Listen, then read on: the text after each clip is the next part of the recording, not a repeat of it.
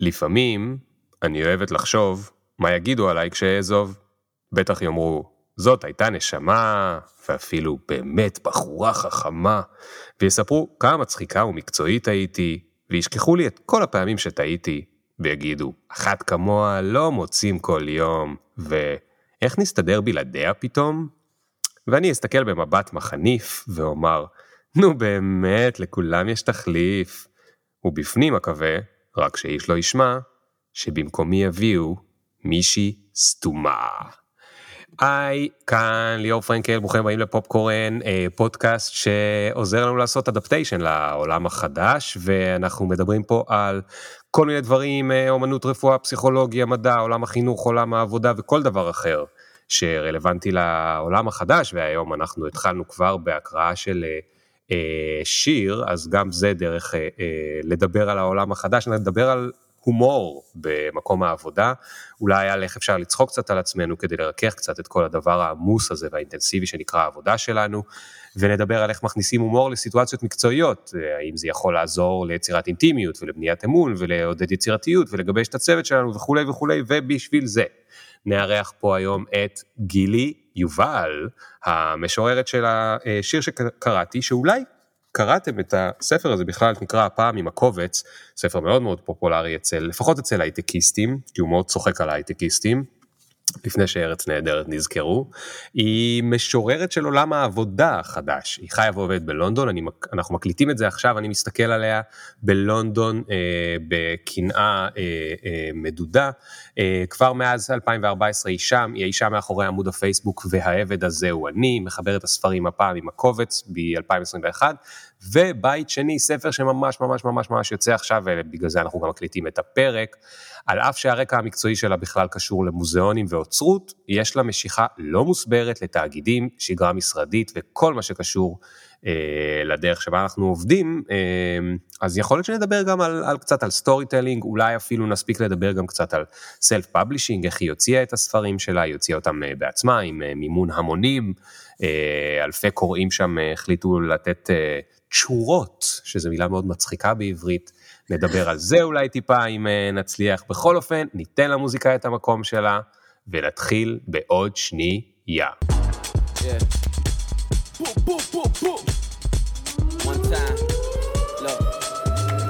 Ring the alarm. Hot ass nigga, yeah. big ass head so my dreams get bigger. Yeah. Me campaign strong so my flows get sicker. Yeah. Confidence bigger than a drunk ass nigga. אז לקח לי זמן למצוא את עצמי בתוך עולם העבודה בבריטניה. צריכה להגיד שאני חושבת שבארץ הייתי סוג של, לפחות ראיתי את עצמי בתור סוג של עובדת מצטיינת. הייתי אחת כזאת שפותרת בעיות, מלאה במוטיבציה. תמיד היו שולחים אותי לפתור כל מיני משברים, תשלחו את גילי לעירייה, תשלחו את גילי לפגוש את ההוא, גילי תעשי את הקסם שלך וכאלה. אה, עברתי ללונדון, אה, עשיתי פה תואר שני, באתי עם ניסיון תעסוקתי ככה לא רע בכלל, והיה לי נורא נורא קשה פתאום למצוא עבודה, הייתי בטוחה שפתית השלג הייחודי שאני, כולם יחטפו אותי, ובעצם גיליתי שלא ככה מצב. מפה לשם אה, נכנסתי לעבוד אה, כמנהלת דיג'יטל, אה, שזה טייטל מצחיק בפני עצמו, בפני עצמו, אבל לא משנה, במשרד לאסטרטגיה תקשורתית, שם נורא יפה למשרד יחסי ציבור, וזה היה מקום מאוד מאוד בריטית. למי שבא מישראל ורגילה לעשות הכל, רגילה לעשות עבודה של ארבעה אנשים, עבודה עשרה אנשים, הייתי צריכה לעשות עבודה של בן אדם אחד, שזה היה מאוד מאוד מוזר, ולא רק זה, לא הייתה עבודה, זאת אומרת, הייתי רגילה לעומס, לעשות מלא דברים, לעבוד עד עשר בלילה, ובאתי למקום שבאמת העבודה הייתה ממש כמעט ולא קיימת, זאת אומרת, היו המון המון רגעי שעמום במשרד, וכל הזמן ניסיתי לייצר עוד עבודה ועוד פרויקטים, ולהביא כל מיני דברים אולי חדשניים, ולהיות מנהלת הדיג'יטל שחשבתי שאני, אמ, ושום דבר מזה לא תפס, לא נדבק. אמ, בדיעבד אני מבינה שהיו לזה כל מיני סיבות, גם האופי של המקום עצמו, גם האופי שלי, אה, הבנה שתהליכים פה לוקחים הרבה יותר זמן. anyway, אבל המפגש הראשון שלי עם תרבות העבודה, נקרא לה הבריטית, היה אה, כשהבנתי שביום עובדים ואחרי עבודה לא עובדים. ומה הדוגמה אה, הכי טובה לזה? שיוצאים לדרינק אחרי, אחרי העבודה. אז עבדתי במשרד שבו עבדו בסך הכל משהו כמו 12 אה, עובדים, הרוב היו עובדות, אה, ובאמת היה מין שקט מופתי כזה ב open space, רק טקטוקי המקלדות, ויודעת מה, מקסימום טלפונים עם לקוחות, או עם אנשים, או, או ישיבות, או משהו כזה. ויום אחד החליטו שיוצאים לדרינק אחרי העבודה, אה, מן הסתם לונדון, מקום קוסמופוליטי, הולכים אה, למישהי הביתה, הייתה איטלקיה או אפרטיבו, קצת שותים, קצת זה, ומשהו נפתח. דבר שהייתי צריכה גם כן פתאום להבין שקצת שותים, אז דברים נפתחים. פתאום התחיל להיות נורא כיף, והתחילו לשאול אותי שאלות, והתחלתי לדבר, מה שלא קרה לפני כן, לפני כן הכל היה מאוד מאוד, נקרא לזה סדור ואך ורק מקצועי. אה, ובין היתר אה, אני מספרת שעברתי מישראל ועשיתי פה תואר שני ועברתי עם בני זוג ושיש לי כלב. וואו גילי יש לך כלב איזה מגניב אנחנו אוהבים כלבים אצלנו כן אתם רואים כלבים הנה תראו תמונה הנה שוקו הכלב שלי אוי איזה חמוד ואני באמת בשיא הספונטנית, כן אתם אוהבים כלבים, אז איזה יופי, אני אביא אותו למשרד יום אחד, כאילו דווינה המנכ"לית תמיד מביאה את הפודל שלה למשרד, לא רק זה, היא גם כאילו מבקשת מה-PA שלה, ואם ה-PA שלה לא נמצאת אז מאיזושהי מנהלת צוות, להוריד לה אותו לפיפי. אז אני אביא את שוקו, את הכלב שלי הישראלי החמוד שעבר איתי מישראל. בריטים כבריטים, בטח, תביא, so awesome, so cool וזה. למחרת בבוקר אה, אני יוצאת שמחה וטובת לב אחרי שהיה לי אה, ערב אה, שבו הרגשתי שאני starting to engage עם הצוות והנה משהו נפתח והנה משהו קורה ומעכשיו דברים ילכו הרבה יותר טוב בעבודה. כי לפני כן ממש לא מצאתי את עצמי, לוקחת את שוקו, הכלב החמוד שלי, לוקחת איזושהי שמיכה, אוכל, מים, נוסעת כמעט שעה בטיוב, נכנסת למשרד, היי גייז, look who's here, look who's here. אף אחד לא מסתכל, אף אחד לא פוצה פה, כולם צמודים למסכים שלהם. ואני כזה, מה, אמרתם שאתם אוהבים כלבים, אמרתם awesome, bring him to work, טוב, אוקיי, בסדר, מתיישבת בקיוביקל שלי, לא בקיוביקל, בעמדה שלי, אה, מתחילה לעבוד, שוקו מתרוצץ סביבנו, נורא נורא חמוד, אף אחד לא מתייחס לא לשוקו ולא אליי.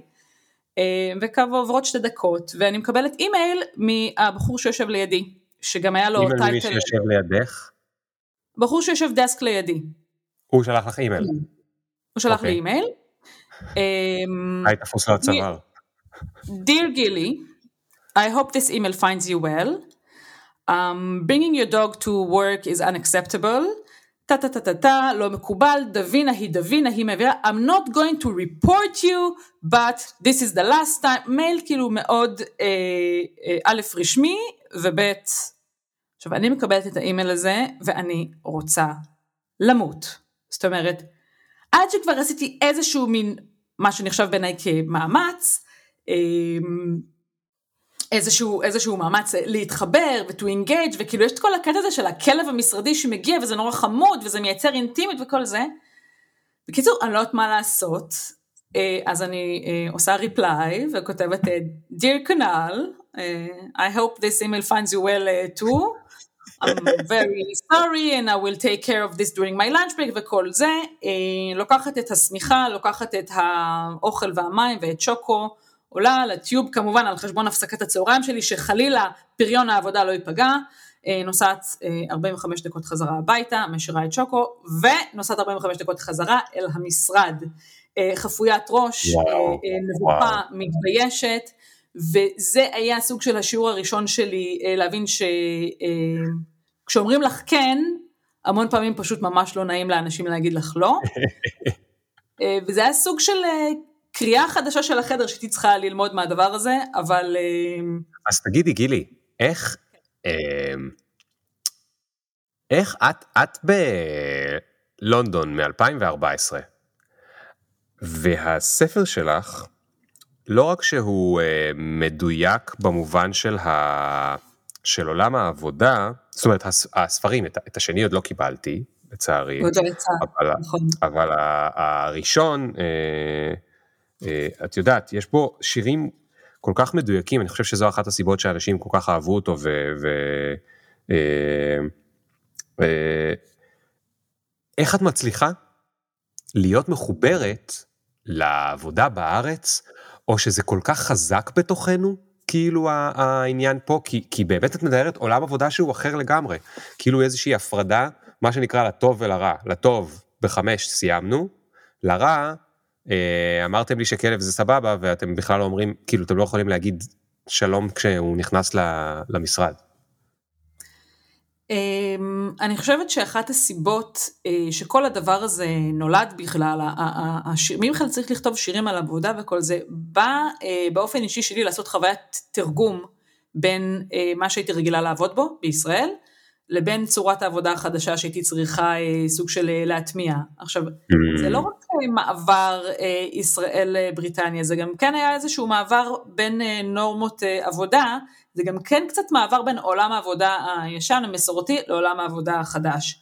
צריך לציין שבישראל האלמנט, המרכיב של עבודה הוא פשוט אה, משתלט אה, על הזמן שלך, על הזהות שלך, על המרחב שלך, בקטע, זאת אומרת, רק כשעברתי ללונדון הבנתי שאפשר גם אחרת, הבנתי שאפשר לסגור את המחשב לפני שמונה בערב, שאפשר לא כן. לא לעבוד בסוף שבוע, שאפשר, אה, ש, שיש גבולות, אפרופו בעבודה עובדים, אחרי העבודה יוצאים לדרינק ואז נפתחים ולמחרת בבוקר שוב יחזרו לאיזשהו משהו יותר סגור. זה באמת היה מקרה קיצוני, כן? אבל כן, כן יש גבולות הרבה יותר ברורים. אבל תגידי, את אה, יודעת, אה, את, את, את כותבת את השירים האלה ואת גם משתמשת בהומור, ואומרים דווקא נגיד על סטנדאפיסטים שהם מבינים את, אה, את נפשו של האדם לפעמים יותר טוב מאומנים.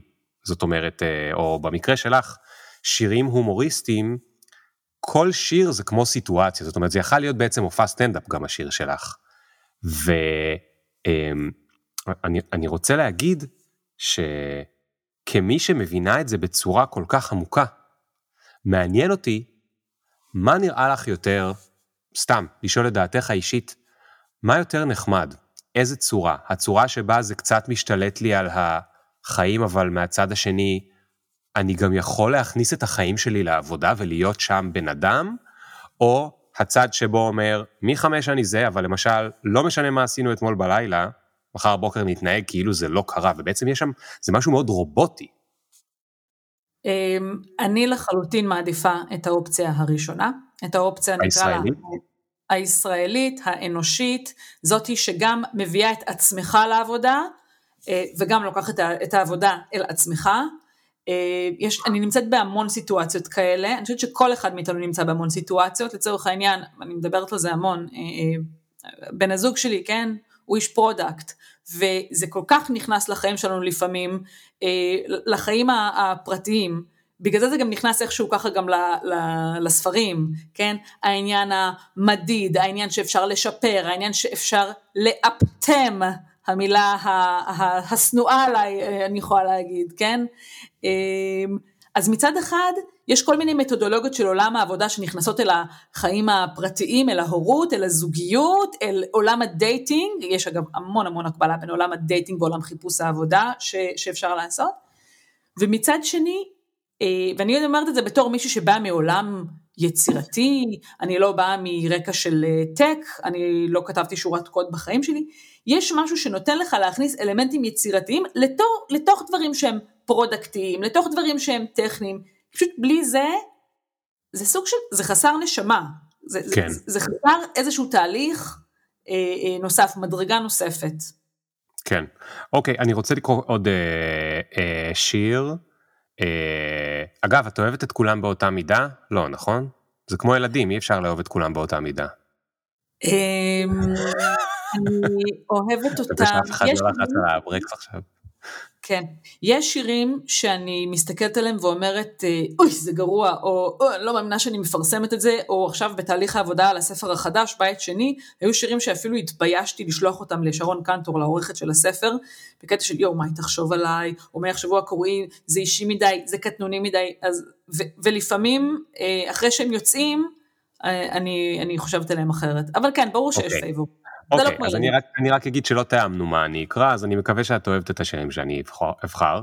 אה, לשיר הבא קוראים משחק סכום אפס. במשרד החליטו על גמד ענק, כמו משלוח מנות, אבל במשחק. ואני, שלא רציתי להשקיע בכלל, מכל הפתקים הגרלתי את המנכ"ל. מה לתת? מתנה מושקעת, עם תשומת לב מלאה, או אולי חבילה ממוצעת שיקלוט וייתן העלאה. אה, תגידי, כן. אני יודע שאת מדברת המון על אה, למה זה חשוב להכניס הומור למקום העבודה. ואני קודם כל רוצה לשמוע למה, אבל בו זמנית אני רוצה שתתייחסי לנקודה שהיא לי תמיד הייתה מסובכת בתור מי שהיה לפעמים אפילו המנכ"ל או אחד השותפים, נגיד בסטארט-אפ. אני. מאוד אוהב הומור ואני חושב שצריך להכניס אותו. איפה הנקודה שתמיד מפחידה אותי גם? הצד של ההומור שהוא של הציניות, שכבר כל כך מוציא את ה... הוא לא רק מוציא את האוויר מאיפה שמנופח, שזה לטובה, הוא גם לפעמים מוציא את הרצינות מהכל, ואז לפעמים כבר לא ברור עם מה אה, נשארת. אז אה, אני לא שואל אותך בתור המנכ"ל, אבל אני כאילו רוצה שנדבר על ה... אה, אה, איך מכניסים, למה להכניס הומור לעבודה, איך להכניס אותו אולי. נכון. אני אגיד שלפני זה שסוג ההומור נניח שאני הכי אוהבת זה ההומור הזה שאתה אומר אני לא מאמין שהיא אמרה את זה הרגע. או שיור איזה אומץ איזה ביצים יש לה. וזה הומור שכשאם הוא מדויק הוא נותן את האימפקט. כי להיות מצחיק יכול להיות מטרחן יכול להיות בלתי יעיל יכול להיות מביך ולהיות אובר אה, ציני אגרסיבי יכול להיות פוגעני, יכול לכבות, יכול להיות מסוכן. וזה גם ההבדל בין ללכת למופע סטנדאפ או לעשות הומור אה, סביב השולחן המשפחתי או עם חברים, לבין הומור במקום העבודה. עכשיו, אה, הסיבות רגע, רגע, של... למי, שנייה, לפני, ש, לפני שממשיכים, למי שפחות בקיא נקרא לזה ב, כמוני בקטגוריות, אנחנו יכולים, בוא ננסה לתת רגע דוגמה למה זה להיות ציני פוגעני, מה זה להיות מצחיקול, ואז מה זה להיות מה שאת דיברת עליו, שזה כאילו לחשוף את האמת. Uh, להיות מצחיקול זה להיות, uh, אני חושבת, קצת, קצת סוג של מאמי כזה, זאת אומרת, דברים שהם לא קוראים מצחוק, הם לא יגרמו לבטן שלך לרטוט מצחוק, אבל זה יעלה חיוך וזה יהיה אפליפטי. Uh, להיות ציני אגרסיבי, אני חושבת שזה יכול להיות uh, קצת פוגעני, זאת אומרת, הערה שהיא אמ, אני רוצה לחשוב רגע על דוגמה, משהו שאם הוא נאמר לא ברור אם הוא היה בצחוק או לא בצחוק, ויש אנשים שעשויים, אה, אה, עלולים להיפגע ממנו. אה, ומה היה השלישי? אני כבר לא זוכרת. השלישי זה הסגנון שלך. שאמרת שאת לא רוצה את זה ואת לא רוצה את זה, את רוצה, בעצם אני חושב שאת רוצה מאוד כאילו לחשוף את מה שכולם חושבים אבל לא אומרים. נכון, אז אני חושבת שהשלישי והוא החזק אה, מכולם זה עניין של הומור עצמי ויכולת לצחוק על חולשות שלך ועל כאבים שלך. סך הכל השירים אני חושבת הכי מצחיקים כולל אה, אה, סתומה או שקראת בהתחלה או השיר משחק סום אפס זה בדיוק על העניין הזה של אני לא יודעת מה לעשות. האם אני רוצה להיות אה, אה, teacher's pet או האם אני רוצה אה, להראות לו מה זה, כן? ואני אומרת אני לא יודעת להחליט ומזה יוצא השיר. כן. אמ, יש עניין שהומור עצמי, המון פעמים אנשים מפחדים לעשות אותו כי כאילו הוא מצביע על חולשות, אבל מה שהוא עושה בפועל זה הוא מעורר אמון והוא מייצר אמפתיה. אפשר להסתכל, אחת הדוגמאות הכי טובות שאני נותנת לזה, להסתכל לצורך העניין על, על ברק אובמה, שהוא השתמש mm-hmm. בהומור אה, בתור אג'נדה, זאת אומרת הוא הלך והוא, אני לא חושבת שיש late night show בארצות הברית שהוא לא השתמש בה, שהוא לא, שהוא לא הלך להתראיין בה, והוא היה בה מצחיק, והוא צחק על עצמו, והוא צחק על הטוויטר שלו, והוא צחק על זה שמישל אובמה מנהלת אותו, והוא צחק אפילו כאילו על, על אלמנטים שח, על זה שהוא שחור, כן? כן, אה, אה, הנה התמונה שלי אה, אה, מתמנה ותמונה של אה, אה, סימבה, כן, מלך האריות או משהו כזה. מישהו אחר לא יכול לעשות את זה עליו. כמו שמישהו אחר לא יכול לספר בדיחות שואה אם, אם הוא לא יהודי לצורך העניין, כן? אה, ויש משהו באלמנט הזה של אה, הומור עצמי שהוא נורא נורא מחזק אה, מנהיגות, הוא נורא סוחף, הוא מעורר כריזמה, וזה באלמנטים שהם ניהוליים. עכשיו, זה, זה נורא מצחיק, כי המון פעמים אנשים שמגיעים לדרגות ניהול, הכי מצחיק לראות את זה, אנשים שמגיעים מהצבא, כן? נורא קשה להם, הם, הם גם, הם באמת הם לא מצחיקים, ועד שהם מנסים זה לא יוצא להם, כאילו, ואז זה אוקוורד כזה, ואתה צוחק כי, כי אתה חייב, כן, או משהו כזה. אה, אז זה כן משהו שאפשר... אז רגע, את, את ממליצה, אם אני לא רגיל להצחיק, את ממליצה לי לנסות להצחיק?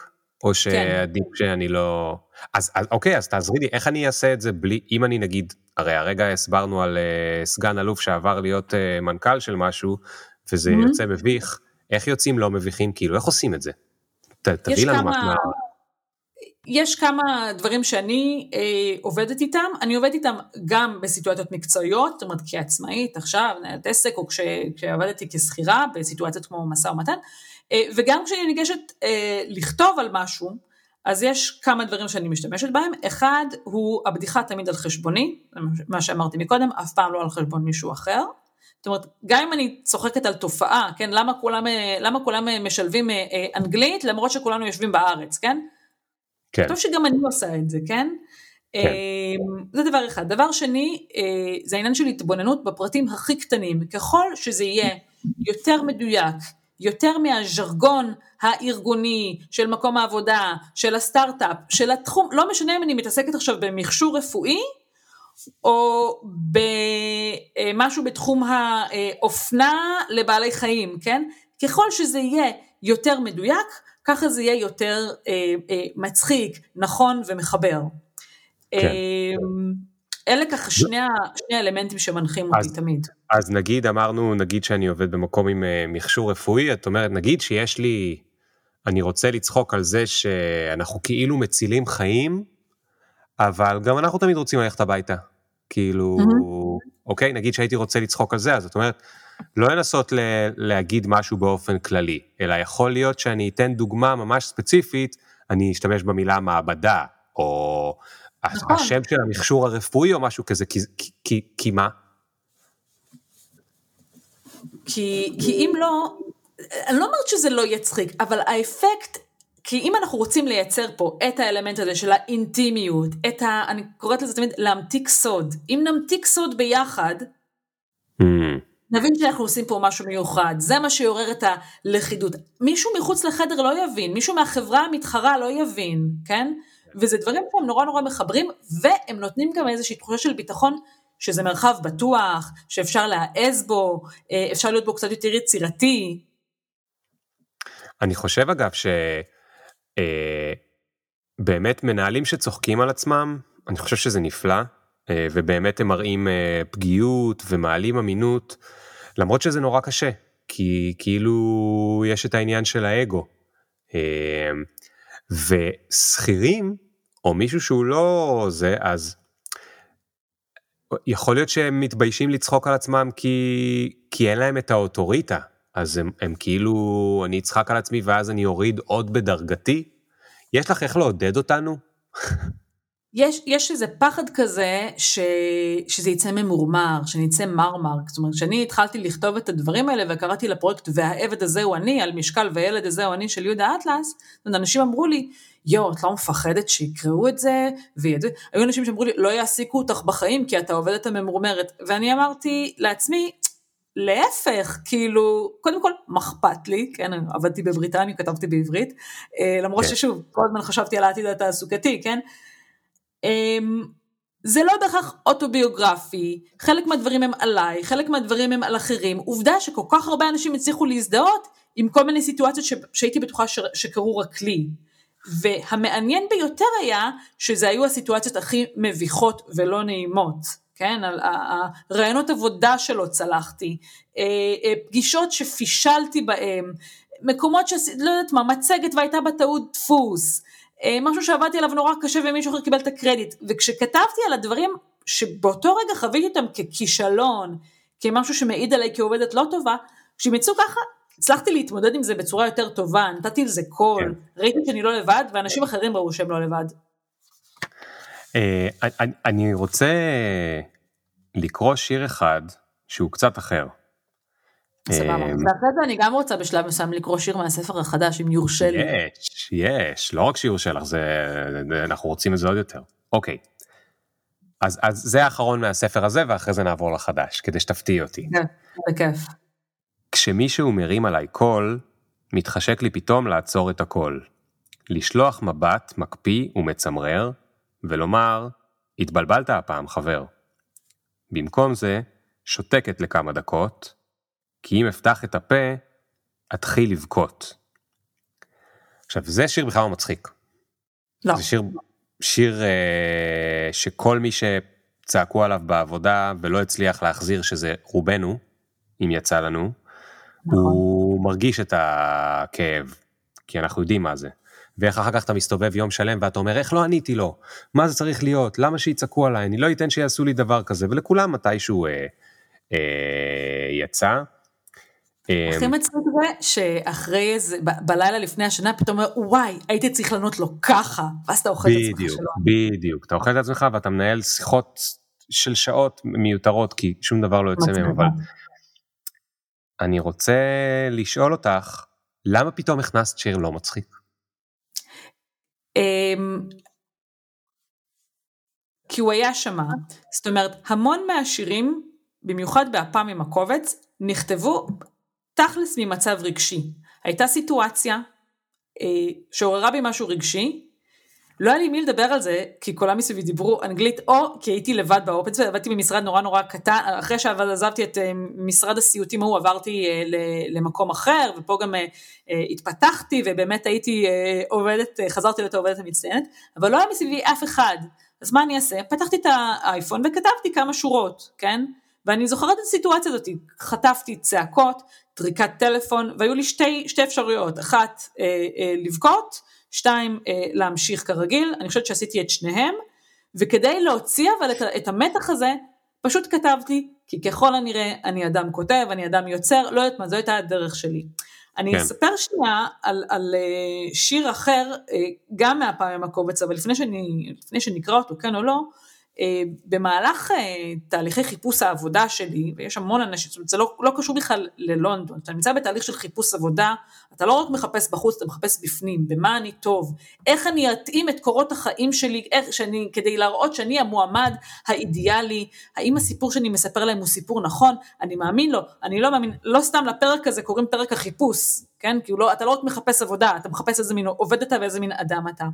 והייתי כן. במצב שבו חיפשתי המון זמן עבודה, לא חזרו לקורות חיים שלי, וסוף סוף זימנו אותי לאיזשהו ראיון עבודה, אה, והגעתי לראיון והתכוננתי עליו בטירוף. כמו שמתכוננים לראיון עבודה, אתה עושה case studies, אתה חושב איך תספר את הסיפור שלך, איך תכסה על הגאפס, על הפערים בתקופות שלא עבדת, איך תסביר את הכישלון הזה, איך תסביר את ההצלחה הזאת, והיה ראיון, והראיון היה ראיון טוב, אני זוכרת שאמרתי לעצמי תוך כדי, לא משנה, תעברי, לא תעברי, את יודעת להחזיק ראיון עבודה בבריטניה, well done, גילי, כל הכבוד וכל זה.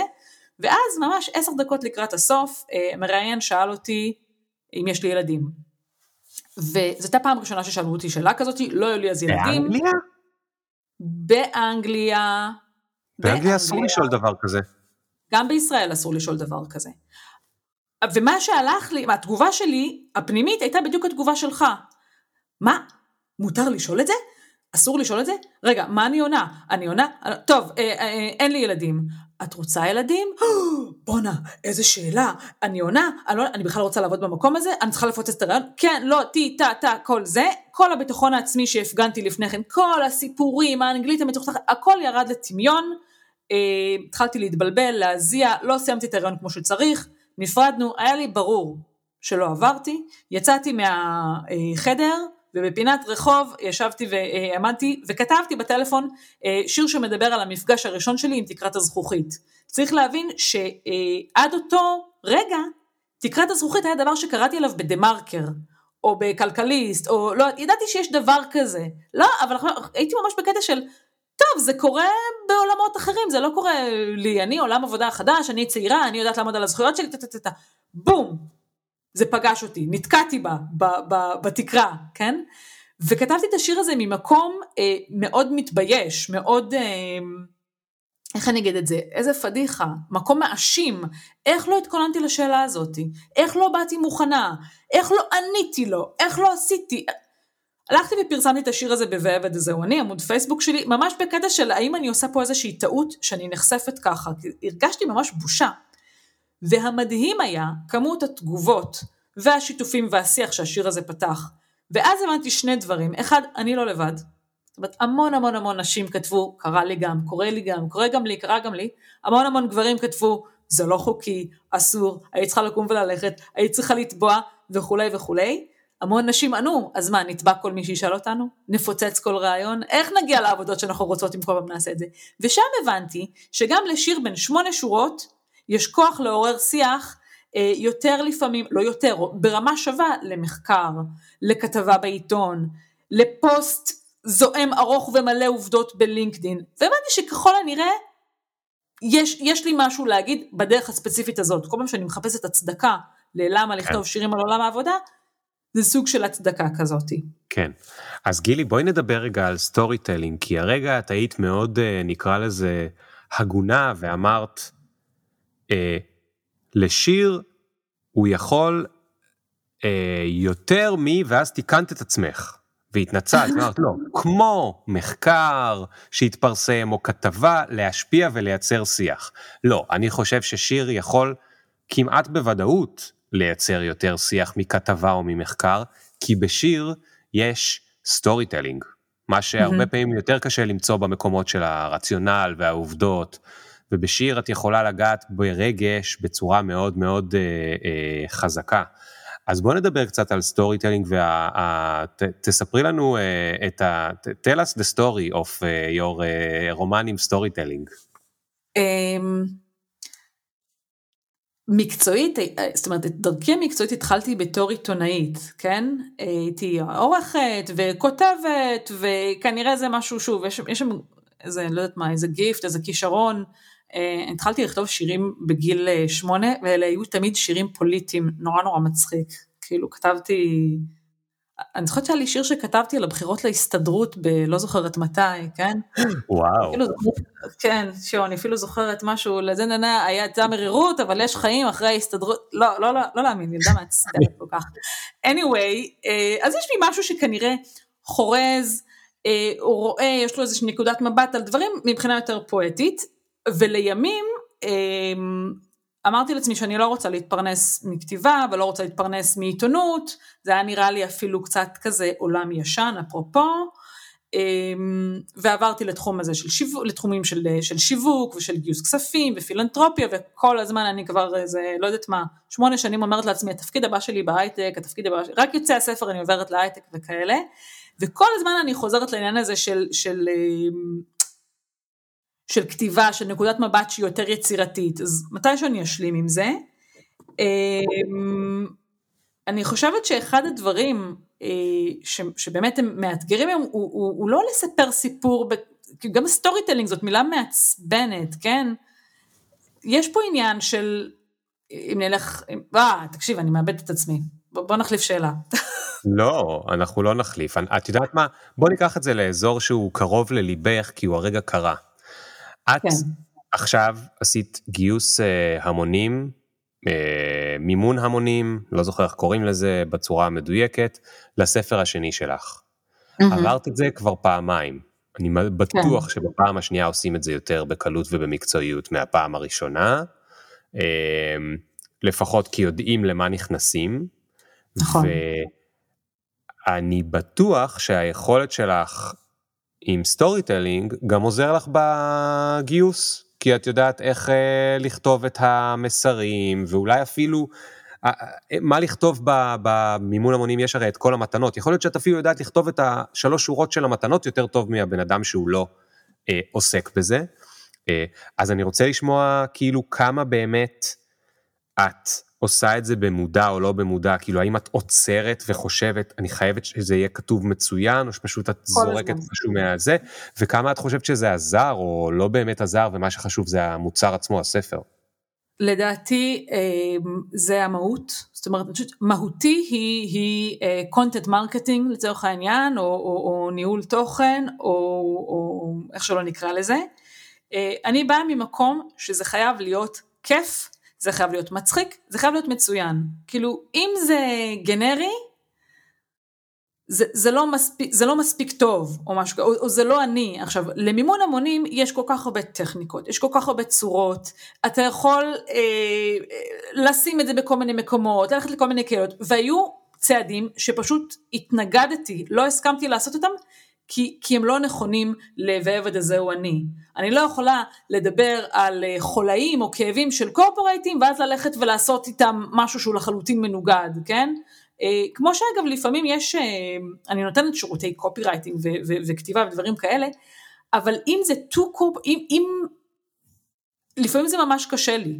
אומרת, אם זה לא מישהו שמתחבר לראש שלי, אם אני צריכה להתחיל לתת דוגמאות כזה, אני עזבו, זה, זה לא ילך, אני לא מסוגלת לכתוב, היו, היו אנשים שהזמינו ממני שירים, זאת אומרת, רצו לשלם לי כדי שאני אכתוב שיר לארגון שלהם, ולא הייתי מסוגלת. יש חברות שכן, כי אני מתחברת לאג'נדה שלהם, אני מתחברת למה שהם עושים בעולם העבודה. לא בטוחה שאני יכולה לכתוב עכשיו שיר על, על, על, על תיווך נדל"ן. זאת אומרת, רוב הסיכויים מולי שכן, יש לי שירים גם, סתם, כאילו, כותבת שירים המון פעמים על, על עיצוב גרפי, היה לי, כתבתי שיר על המכירה של אה, אה, פיגמה לאדובי, זה היה אחד השירים המצחיקים שלי, כן? כי הם היו נורא נורא, כי, כי זה עולם שאני עובדת. לכתוב על, על, על משהו שהוא לחלוטין לא באג'נדה שלי, אני, אני חושבת שזה יהיה לי קצת קשה. אה, אבל מה שמוביל אותי, כאילו, בדברים לזה, שזה חייב להיות כיף, וזה חייב להיות מצחיק, ואם לא, אז זה פדיחה, אני לא, אני לא גאה בזה, כן? אני לא מרגישה נוח לקדם את זה. עם הספר אני לא אחשוב שהוא מצוין ועוקצני ויושב בול גם מבחינה גרפית, אני לא אצליח לעשות את זה. כאילו, רגע, רגע, רגע, אני... יש פה, יש פה, אז, אז, אז משהו פה את צריכה להסביר לי, כי אני מאמין לך, אבל אז, איך לעזאזל הצלחת להוציא שני ספרים? הרצון הזה לעשות את זה מצוין ובול וזה, הוא לא מעכב את ההוצאה של הספר באיזה שבע שנים? כאילו זה מה שקורה לסופר והמשורר הממוצעים. אז הספר הראשון, אה, הפעם עם הקובץ, יצא אה, שש שנים אחרי שקם והעבד הזה הוא אני, כן? כשהעבד הזה הוא אני יצא, זה יצא אחרי שהיה לו אה, בוסט מטורף. שזה היה עמוד בפייסבוק. כן, והיה כאילו מומנטום אז ללכת ולהוציא את זה כספר, כי אנשים אז שאלו אותי, איפה קונים את הספר ועבד הזה הוא אני, כן, אחרי איזה, איזה, איזה אה, פרויקט כזה מיוחד.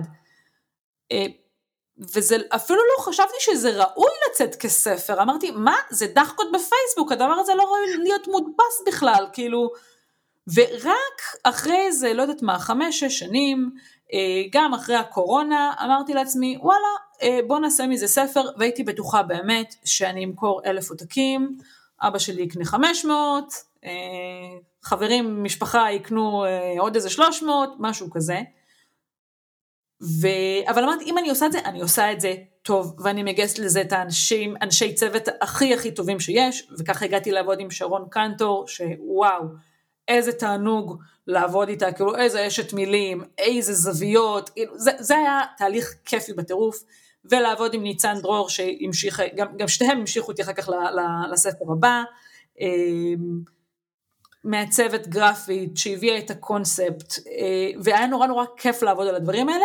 בהפעם עם הקובץ הייתה את תמר ידין שהביאה איורים משלה, בבית שני יש את אילן נועם שבעצם מייצרת קומיקסים שמבחינתי הם קומיקסים כאילו בינלאומיים מבחינת המסרים שמעבירים על עולם העבודה וזה נורא נורא כיף פתאום להתעסק מזה גם מבחינה ויזואלית. אגב עוד איזה דבר אנחנו כל היום כאילו מול טקסט וקריאה וכל זה איזה כיף לדבר על עבודה כאילו עם ציורים עם קומיקס איזה כיף שאני יכולה לשבת עם ילדה שלי בת שש היא מסתכלת על הקומיקסים והיא אומרת לי מה היא רואה בהם והיא רואה בהם בדיוק את הסיפור מבלי לקרוא mm. מבלי לקרוא את המילים שלידן. מדהים. אז כן, נכון, ברור שזה לוקח זמן, וברור שפרפקציוניזם הוא דבר מעכב, אבל זה חלק מתהליך של יצירה. כל אחד היום יכול להוציא ספר, סיריוסלי כל אחד יכול להוציא ספר, זה כל כך פשוט, עם מפיץ, בלי מפיץ, עם הוצאה, בלי הוצאה, כאילו אני, אם אני רוצה לעשות uh, כסף, אני יכולה ללמד את הטכניקה, כן? אבל יש גם כל כך הרבה ספרים לא טובים שיוצאים, כל כך הרבה ספרים בינוניים, ואני רוצה שהספר שלי, שיה, שהוא יצא, הוא לא יהיה בינוני, הוא לא יהיה עוד מאותו דבר. עכשיו, זה נורא נורא קשה, כן? כן. כאילו, כן. מי רוצה לקרוא, מי יוציא ספר שירים על עבודה? אגב, פניתי עם הספרים האלה למפיצי ספרים, אמרו לי, לא, לא ילך, לא, לא הולך היום שירה. ואני אמרתי להם, מה, זה לא שירה, זה סאטירה, ודבר שני, לא רוצים, ביי. ואיזה כיף כאילו אחר כך להגיד, בובום, 8,000 עותקים, בלי חנויות, בלי מפיץ וזה, ובואו, כאילו, סליחה, פה כן. יוצאת ממני, את הבחורה התחרותית, העסקית, היא משתלטת על היוצרת, בואו נשים אותה רגע בצד. נחזיר את היוצרת שאומרת שהם הצליחו כי הם ספרים מצוינים. Oh, כן. אגב, אני חושב שזה לא תחרותית אה, יצרית, זה מאוד, אני מאוד מאוד מתחבר לזה ב... ב... ב... סליחה שאני מדבר רגע על עצמי, אבל בספר שלי מ-2017, אני רוצה הכל, אני מדבר המון על הסיפור הזה של אנחנו בעולם שאתה יכול לבחור בעצמך. ואז הייתי, אני כמעט סגרתי כבר חוזה עם הוצאת ספרים, ובסוף החלטתי לעשות הוצאה עצמית, כי הם רק התחילו לספר לי כל מיני דברים שאולי הספר יצטרך לעבור, ואני כאילו, וואו וואו, back off, זה לא רעיון טוב, אני רוצה להוציא אותו כמו שאני רוצה להוציא אותו, ואני חושב שהניצחון הזה של להצליח להוציא משהו בעצמך, גם אם לא היית מוכרת 8,000, גם אם כן היית מוכרת 800, אבל לא לאבא שלך, אבל 800, אה, מבל... כשאנחנו יודעים, שנינו, אני ואת ועוד כל מיני אנשים שמאזינים, שספרים שכן יוצאים בהוצאות, לפעמים בקושי מגיעים ל-800, בטח ספרי שירה, בקושי מגיעים mm-hmm. ל-400, זה לא עניין של uh, תחרותי כמו עניין של, uh, uh, זה העניין הזה של, אני ידעתי שיש לי פה משהו ואני לא ויתרתי על הערכים שלי ולא ויתרתי על, ה, על הרצון שלי להוציא אותו לעולם, ו, ובטח עם הוצאה עצמית שעשית, ואני מחזיק את הספר, זה כריכה קשה, עם הטבעה עליה, פויל קוראים לזה, ובפנים נכון. יש דפים בצבעים, ויש איורים. יש פה, את יודעת, מישהו יכול לראות את זה בחנות ספרים, וליד זה יש ספר אחר, וכן, מרגישים כשנוגעים בזה שהוא יותר טוב, אבל הם לא יודעים שאת היית צריכה להשקיע בין פי 4 לפי 5 כדי להוציא את הספר ה, ה, שהוא יהיה ככה. וזה לא אומר שהמחיר שלו הוא פי 5, יכול להיות שהמחיר שלו קצת יותר גבוה, אבל לא פי 5. וזה אומר שאת באמת רצית להוציא פה משהו טוב.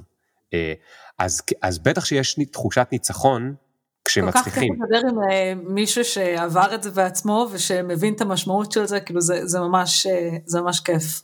ו... אני, אני חושב שזה, לא, אני אגיד לך מה, הנושא הזה מעסיק אותי הרבה, mm-hmm. כי, כי בוא נדבר רגע על, נחזור לעולם העבודה ו, ואני אסביר מה הקשר בין זה לבין עולם העבודה.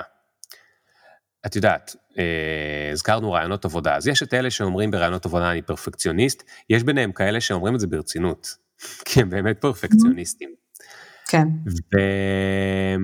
ואנחנו יודעים שיש, למה אומרים את זה בתור חיסרון? כי לעשות משהו בצורה פרפקציוניסט אומר, אני כנראה לא אעמוד בדדליין. או נכון. אני אולי בכלל לא יגיש כלום אף פעם, אני רק ארצה לשפר, לשפר, לשפר. ויצא לזה קצת, אה, אה, נקרא לזה סטיגמה בעייתית. אה, ואני באמת חושב שבהרבה מהמקרים בצדק אין מה לעשות. מהצד השני יש עדיין הרבה מאוד אנשים שרוצים לעשות עבודה טובה. הם ממש רוצים לעשות עבודה טובה. העניין הוא שזה קשה מאוד לדעת לבחור מתי ככה ו- ומתי ככה. עכשיו, נכון. את מצד אחד אומרת לי שחיכית שש שנים, מצד שני, נגיד Start, אמרנו קודם אימון המונים למי שלא מכיר, נגיד Start או Kickstarter או כל ה... גייס כסף דרך פלטפורמה כזאת. שם יש דדליין. נכון. שם יש לך ימים, ועוברים הימים, ואת צריכה נכון. להצליח, את יודעת, לעמוד ביעד, או לעקוף את היעד, או וואטאבר, ואני mm-hmm. רוצה לחזור אלייך רגע, אה, ולשאול אותך, איך זה הרגיש, לעומת העניין הזה שיכולת לקחת על עצמך כמה זמן שאת רוצה כדי שהספר יהיה מושלם, דווקא הקטע שבו את מגייסת את הכסף, שם את לא יכולה שזה יהיה מושלם, כי יש לך זמן והזמן עובר ואת יכולה לעשות רק את מה שאת יכולה לעשות. נכון, אז, אז באמת פה צריך לקחת את היצירתיות ולהכניס אותה לתוך מסגרת, לתוך מסגרת של, של דדליין ושל פלטפורמה, וכן יש גם את העניין הזה של יואו זה פדיחה לבקש מאנשים כסף וכל הדבר הזה, ואני אמרתי, אני מתייחסת לזה בתור פרויקט, וכמו שאני מסתכלת על הספרים שלי בתור משהו יצירתי, או כמו שאני לוקחת פרויקט, גם, גם פרויקטים של אה, גיוס כספים בבריטניה עשיתי מנקודת מבט יצירתית אחרת לגמרי, ופשוט התייחסתי לזה ככה, אז כמובן מן הסתם נערכתי לזה, מבחינת, אה, כמו שנערכים, ל, ל, ל, לא יודעת מה, להשקה של מוצר, כן? הייתה לי תוכנית שיווק, והחלטתי שאני פונה לקהלים שנמצאים בכמה פלטפורמות, העיקרית שלי היא פייסבוק, אבל יש גם לינקדאין ויש גם אינסטגרם. מה הולך באינסטגרם? אני רוצה לעשות וידאו. אוקיי, אני נערכת לזה מראש, וכל הזמן אני שומרת, וסליחה על האנגלית כאן, אני שומרת על הטון of voice הייחודי של העבד הזה הוא אני, שהוא ציני, והוא תמיד על הקטע הזה של אני לא מאמין שהיא אמרה את זה כרגע, והוא לא פתאום הופך להיות לוחמני, והוא לא פתאום הופך להיות מאמי, אלא זה דמות. אגב, אני חושבת שאחד הדברים שעזרו לי אה, אה, להוציא את הדברים החוצה, כי אמרתי מקודם שאני התפדחתי להודות בעובדה שאני אדם כותב, אני עד היום קצת לא נוח לי התואר הזה משוררת של עולם העבודה עכשיו, לא, לא, לא, לא נוח לי משוררת, באמת שלא. מעדיפה להיות משהו אחר, אבל העבד, העבד, לעבד מותר הכל. לעבד מותר מה שהוא רוצה להיות, ואתה יודע, אחד הדברים הנורא מצחיקים... מה זה העבד? כאילו העמוד פייסבוק? הדמות הזאתי, שהתחילה בתור עמוד פייסבוק, הדמות הזאתי שיצרתי של אה, עובדת ממורמרת, שאחר כך היא מנהלת ממורמרת, שהיא גם אימא רגישה, שהיא גם בת זוג, שהיא גם רוצה להתקדם ולא מצליחה, שהיא גם נכשלת, היא דמות, זאת לא גילי, וזה מה זה קל, לא קל, אבל זה הרבה יותר כיף להתחבר לדמות אה, ולהעז לעשות שם דברים, כאילו, כן. יש לי שיר לצורך העניין, הוא לא, הוא לא באף ספר, כן, שיר אה, שנקרא אנטולי, על מישהי שיש לה רומן מדומיין אה, עם איזה מתכנת שיושב בפאלו אלטו, או בקייב, בהתחלה זה היה קייב, אבל אה, תראו מה קרה לקייב בעקבות זה, כן? גילי לא הייתה מעיזה לכתוב דבר כזה, כן? מכירים? העבד כותב מה שהוא רוצה, וזה שיר מצחיק, כאילו יש בו קצת כאילו שיר סקסי כזה, והוא מדבר על פרסה, על בגידה, על מחשבות, על משעמם לי בנישואים. ולעבד מותר הכל, והעבד גם כותב אפילו דברים יותר מזה, כן? שזה נורא כן. נורא כיף באיזשהו כן. מקום. אמ, אני אגיד בהקשר הזה, אמ, ספציפית לגבי ההדסטארט, הייתי צריכה להוציא איזשהו דיבור על הפרויקט, שאני כתבתי אותו, וכשדיברתי עם הצוות באנסטרד אמרו לי, תקשיבי, יצא לך מה זה סאחי, כאילו, מה זה? ואז אמרתי, אה, וואלה, תביאי את, כאילו, תביא את העבד. ואז אמרתי, אוקיי, שנייה, אתם יודעים למה זה קרה? כי כתבתי במחשב, והעבד כותב מהאייפון. הלכתי וכתבתי את אותו דיבור מההתחלה, מהאייפון, בום, כאילו, יצא הדבר שלשמו התכנסנו, וזה ממש קטע, כאילו, mm, לתת לעבד, תנו לעבד לעבוד. אז, אז אה, אמרת שלא כל השירים נכנסו לספרים, נכון? מה היחס אה, בערך בין הכמות תוכן שיש בעבד והזהו אני לשירים שנכנסו לספרים? אני אצטרך שתשאל את השאלה עוד פעם. כלומר, האם בעמוד העבד הזה הוא אני יש פי שניים שירים ממה שנכנסו לספרים, או פי 15, או, פי, או שכמעט הכל נכנס לספרים? אה, אני חושבת שיש בערך פי שלוש, זאת אומרת מה שקרה זה, היו המון המון שירים בעבד הזה הוא אני, צמצמנו בערך 50 אה, ומשהו להפעם עם הקובץ, ואז אחרי זה מה שקרה זה שהתחלתי לכתוב טור במגזין G של גלובס, ואז הייתי צריכה לייצר שיר בכל שבוע, ואני חושבת שמשהו כמו חצי מהם נכנסו לספר וכל היתר הם שירים אחרים. מדהים, אז, אז, אז דבר ראשון אני רוצה להגיד על זה שיש פה שימוש מאוד יפה, אני לא, אני לא בטוח שהוא היה מתוכנן מההתחלה, אבל הוא כנראה נהיה מודע לעצמו מתישהו, שימוש מאוד יפה בעניין הזה של אה, להשתמש בעולם החדש, ברשת החברתית, כמקום לקבל פידבק על העבודה, לייצר engagement עם הקהל, לייצר איזשהו חיבור עם הקהל, שגם עוזר ומרמז לך מה יותר טוב, מה יותר, אה, מה יותר פוגע, מה יותר אה, זה, ומשורר של פעם לא היה יכול לעשות את זה. הוא, הוא היה מוציא את מה שהוא מוציא, אצלך יש כאילו תחנת ביניים, או עוד אאוטלט, שאליו את יכולה להוציא, כמו שאמרת, בלי לעשות חשבון, כנראה שאת עדיין עושה חשבון, אבל פחות. ו- ו- וזה מדהים, כי, כי זה אומר שבסוף לספר מגיעים רק הדברים שאת רוצה שהם הכי הכי, אבל, אבל זה לא היה מה... מה זה לא מ, מ, מהחלומות והסיוטים שלך, אלא זה באמת הקהל אמר מה הוא, מה הוא רוצה. Having said that, יש שירים שהתפוצצו בפייסבוק, ובדיון אה, משותף יחד עם העורכת של הספר, היא אמרה לי, תקשיבי, זה אחלה, אחלה פוסט לפייסבוק, זה לא, זה לא שיר. זה אני לא, לא מאמין לך, אני לא מאמין mm-hmm. לך. כן. אני לא מאמין לך. אני עוד, אני, בוא נדבר על זה רגע. הבנתי שהעורכת רצתה, אבל מה את חושבת על זה? לא שאני לא, היו, היו גם שירים אגב ש, שלהפך שהיא אמרה לה תשאירי חמוד וזה ואמרתי לה לא לא מרגיש לי נוח לא זה.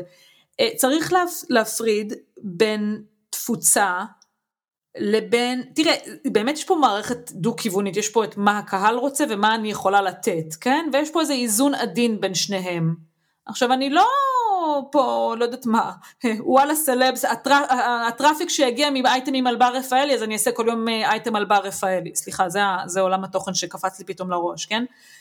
אני לא רוצה רק לרצות את הקהל, אני רוצה גם שיהיה פה, אה, כן, ערך ספרותי, ערך יצירתי, ושירים שהיו נורא נורא חמודים בחוץ, אבל הרגיש לי, לא היה לי נוח לראות אותם מודפסים. או משהו mm. כזה, אה, לא, לא נכנסו, יכול להיות ש... אגב, יכול להיות שזה טעות, בסדר, כאילו, אתה יודע. כן. לא, אני לא יודע אם זה טעות, אני סתם מעלה, זה מעניין אותי הנושא, העניין הזה, כי את נגעת בעניין שכן מעניין אותי, mm-hmm. בעניין הזה של הקהל, ובעניין הזה של, בסוף את אומרת, יש פה שירים, יש פה שש שנים, הרבה מאוד דברים, בסוף יכולתי ללכת וללקט. אבל פתאום את מספרת לי, הייתי צריכה לכתוב שיר בשבוע. Mm-hmm. לכתוב שיר בשבוע, הרי mm-hmm. אצלנו בדמיון הרומנטי, משוררים הם כותבים כשיש להם מוזה, או כשוואטאבר, mm-hmm. פתאום לכתוב שיר בשבוע.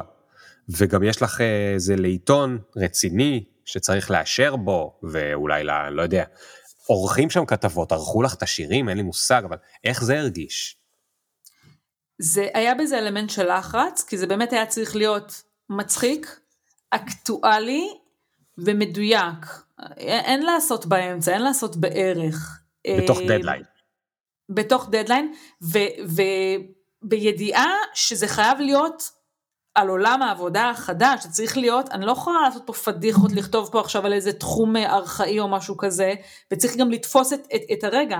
אז אכן זה היה אתגר, ואני חושבת ששם שכללתי את הנקודת מבט, אה, את הכלים של אוקיי, איך אני ניגשת לזה, נקודת מבט, התבוננות, ז'רגון, ואיזה סוג של פאנץ' אני מביאה. זה היה באיזה חתיכת אתגר, זה, זה באמת היה, ואז אחר כך גם נוסף לזה קומיקס, זאת אומרת, המאיירת הייתה צריכה, הילה הייתה צריכה לקבל אה, את השיר ולייצר מזה משהו ויזואלי, יצאו מזה דברים מדהימים, כאילו באמת זה היה בושה להשאיר את זה, בושה, זה היה כאילו חבל אה, להשאיר את הדבר הזה בארכיון של בית אריאלה, כן, בין, בין דפי העיתון, הדבר הזה הרגשתי שהוא חייב לצאת בתור ספר, ואגב העבודה על הספר השני באמת היא, היא הייתה, זאת אומרת, היא הייתה במשך זמן מאוד מאוד קצר, זאת אומרת שנתיים מאז הפעם המקובץ יוצא הספר השני, אה, זה אפילו סוג של ספרינט אפשר להגיד.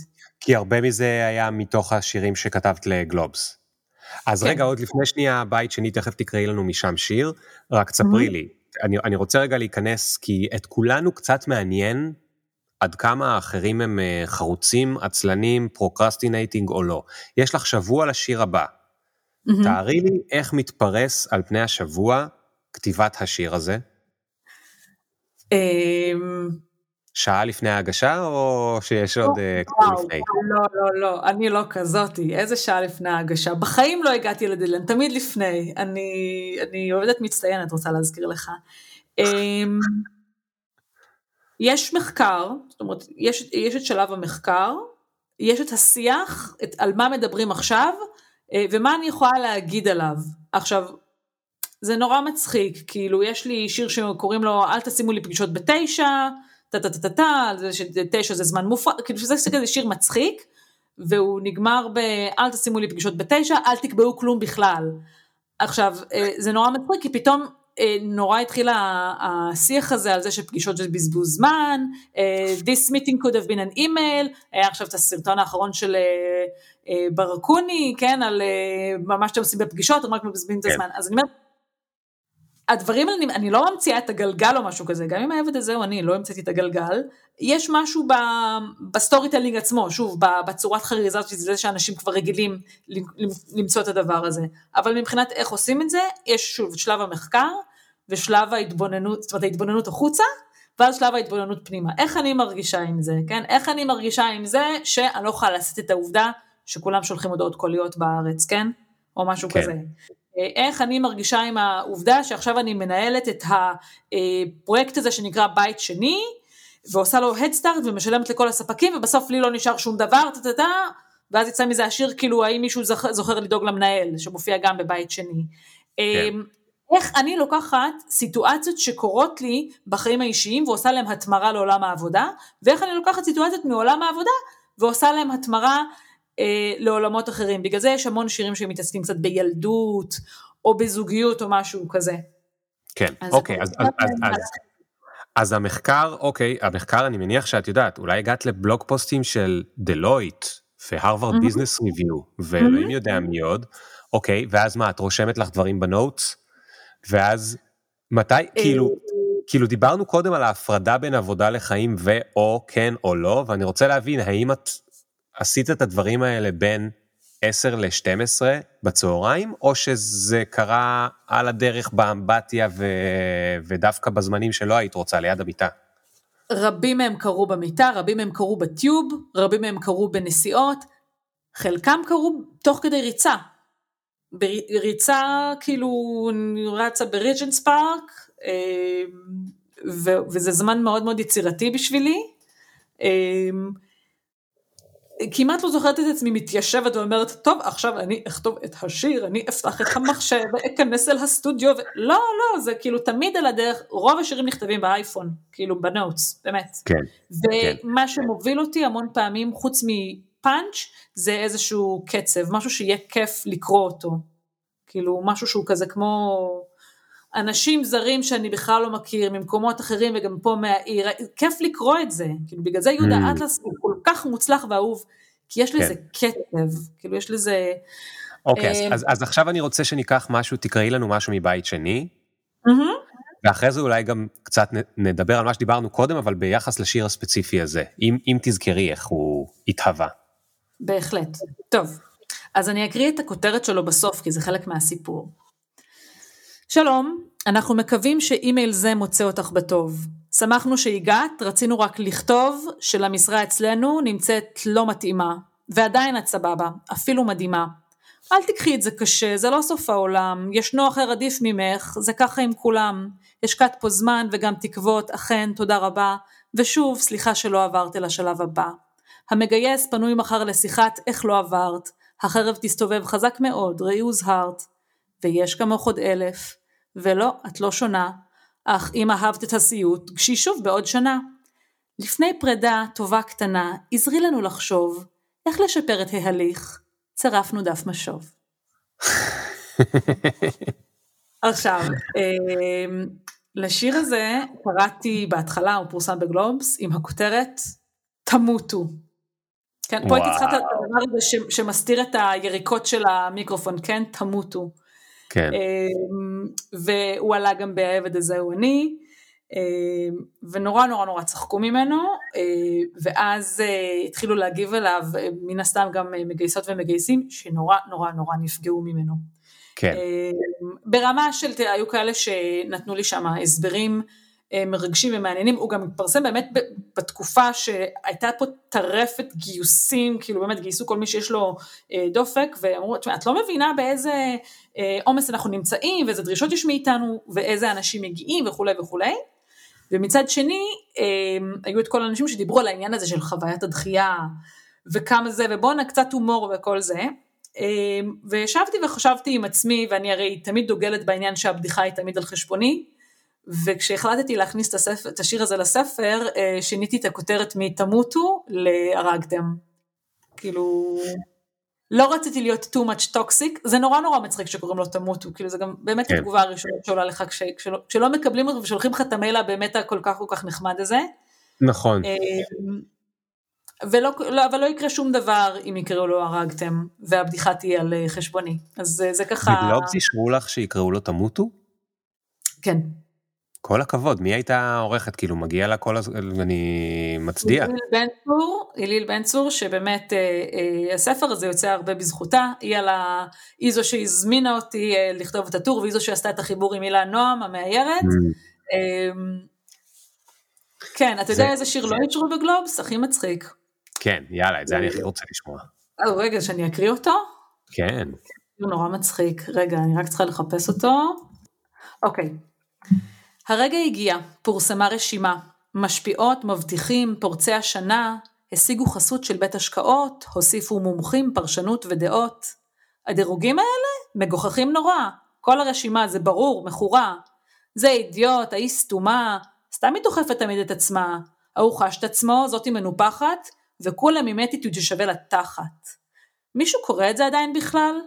הרשימות האלה נהיו מה זה סתם, וגם השנה בכל זאת חבל ששוב אני לא שם.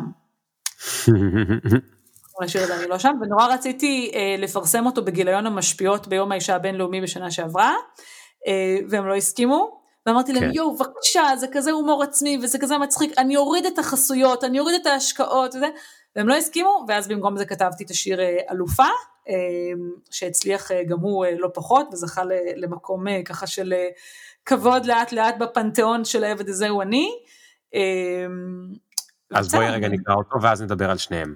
תקראי את אלופה. או וואו, אוקיי, אלופה, טוב. אתם קוראים לי וונדר וומן מלכה או אלופה, אתן פונות בהיי ושמותק, יקירה או יפה, אני לא סתם מובילה, רק פורצת דרך, סוללת, אני לא מתמודדת או נלחצת, תמיד מג'נגלת.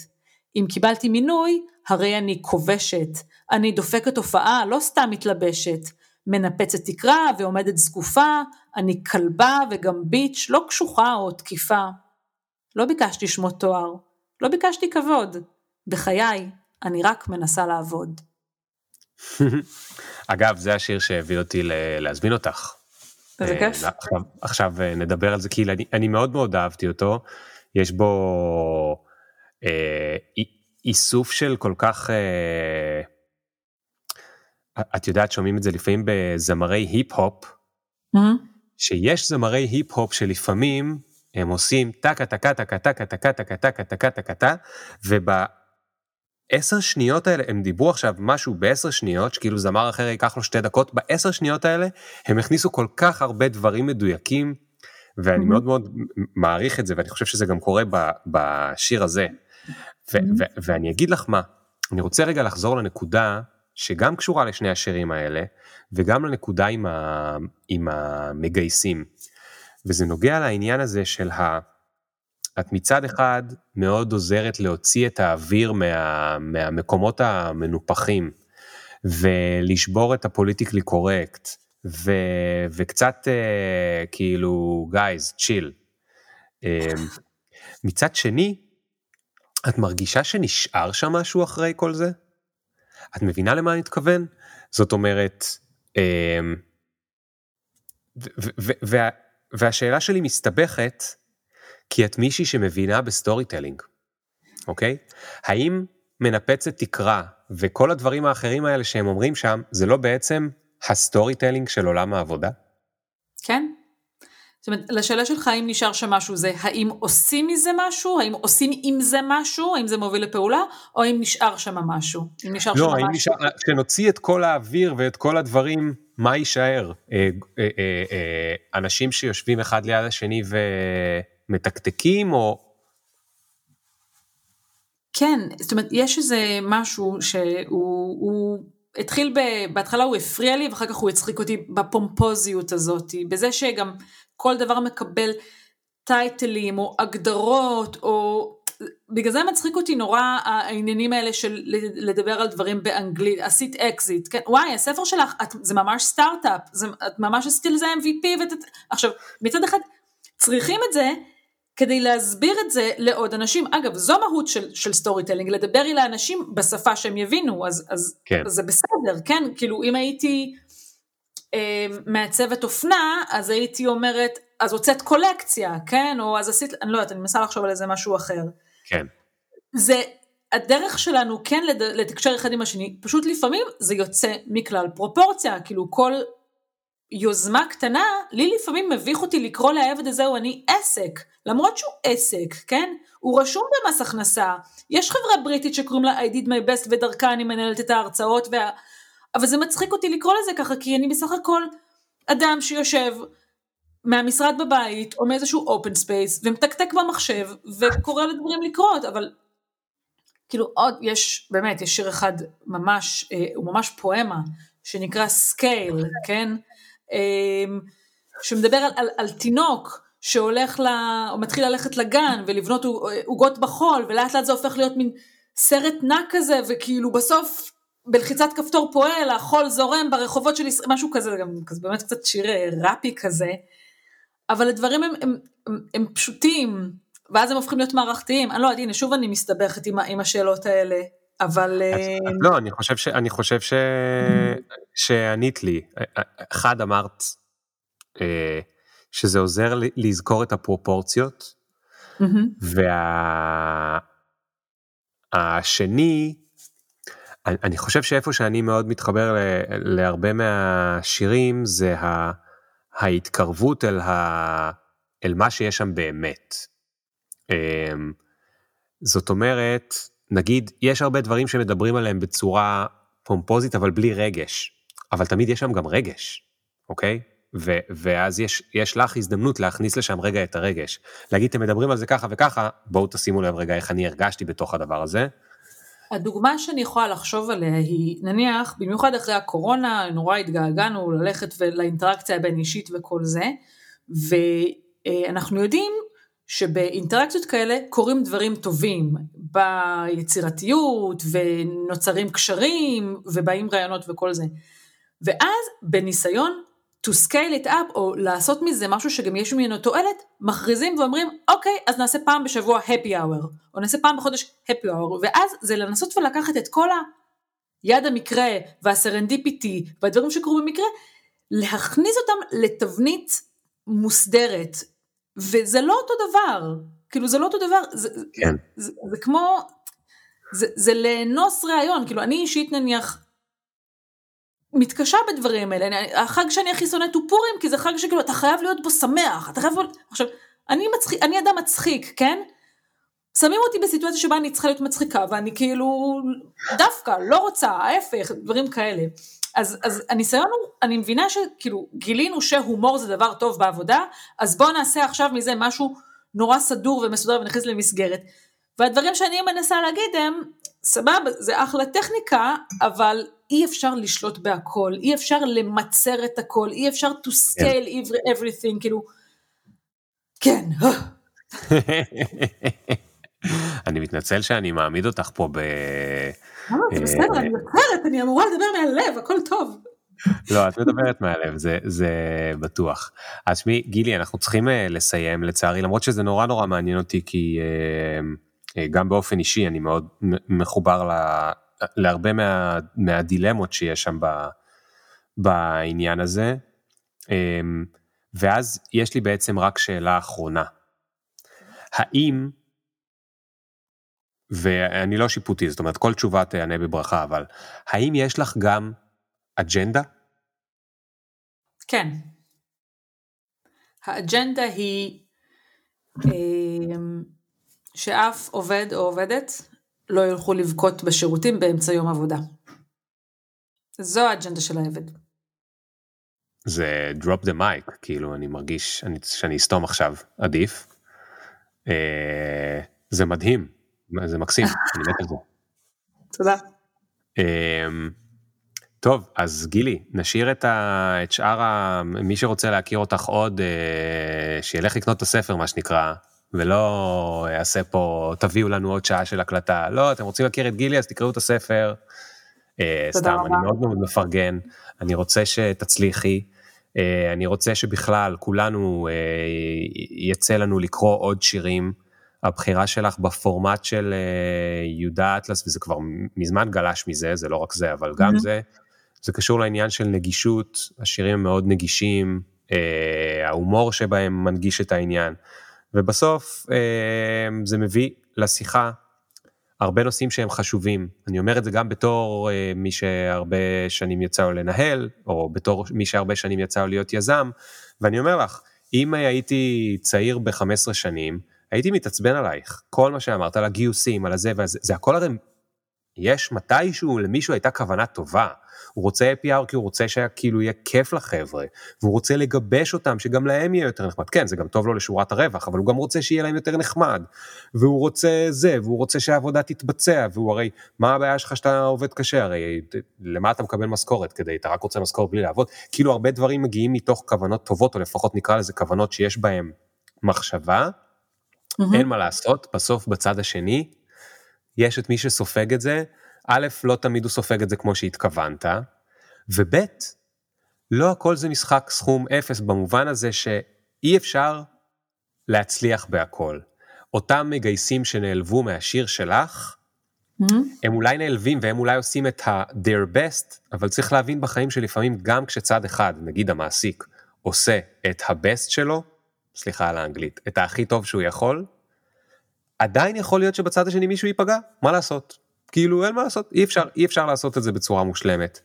אה, ואני חושב בתור מעסיק שזה עוזר לגלות הרבה אמפתיה. אה, ו, ו, ו, ו, ולהבין. ואז השאלה היחידה שנשאר איתה פה זה איך זה לא יסרס אותי. אה, וזו mm-hmm. שאלה מעניינת למישהו בצד של המנהלים. אה, גילי, המון המון תודה. תודה לך. אז ההדסטארט השני מסתיים, ומתי זה יהיה בחנויות או באתר שלך או איפה שזה לא יהיה? אני חושבת, זאת אומרת אפשר כבר להזמין את זה ברכישה מוקדמת, את בית שני, הפעם הקובץ הוא זמין להזמנה גם עכשיו. בית שני יהיה זמין להפצה אחרי פסח. יאללה, החלטתי, מדהים. כחלק מתהליך יצירתי, לתת לו עוד טיפה זמן, לוותר על גל המכירות של מתנות פסח, כדי שיהיה פה ספר מצוין, ואני בטוחה שההמתנה תשתלם. מדהים, אל תשכחי שגם שנה הבאה יהיה פסח. חברים, כאילו נקווה. תודה רבה. היה כיף, כיף לדבר עם לונדון, וניפגש בפעם הבאה. אה, ואם אתם אוהבים את ספוטיפיי, את פודקאסט, את פופקורן, אתם יכולים לעשות לייק בספוטיפיי ושאר וכל מיני דברים כאלה שתמיד אומרים בפודקאסטים, ואני תמיד שוכח. יאללה, ביי.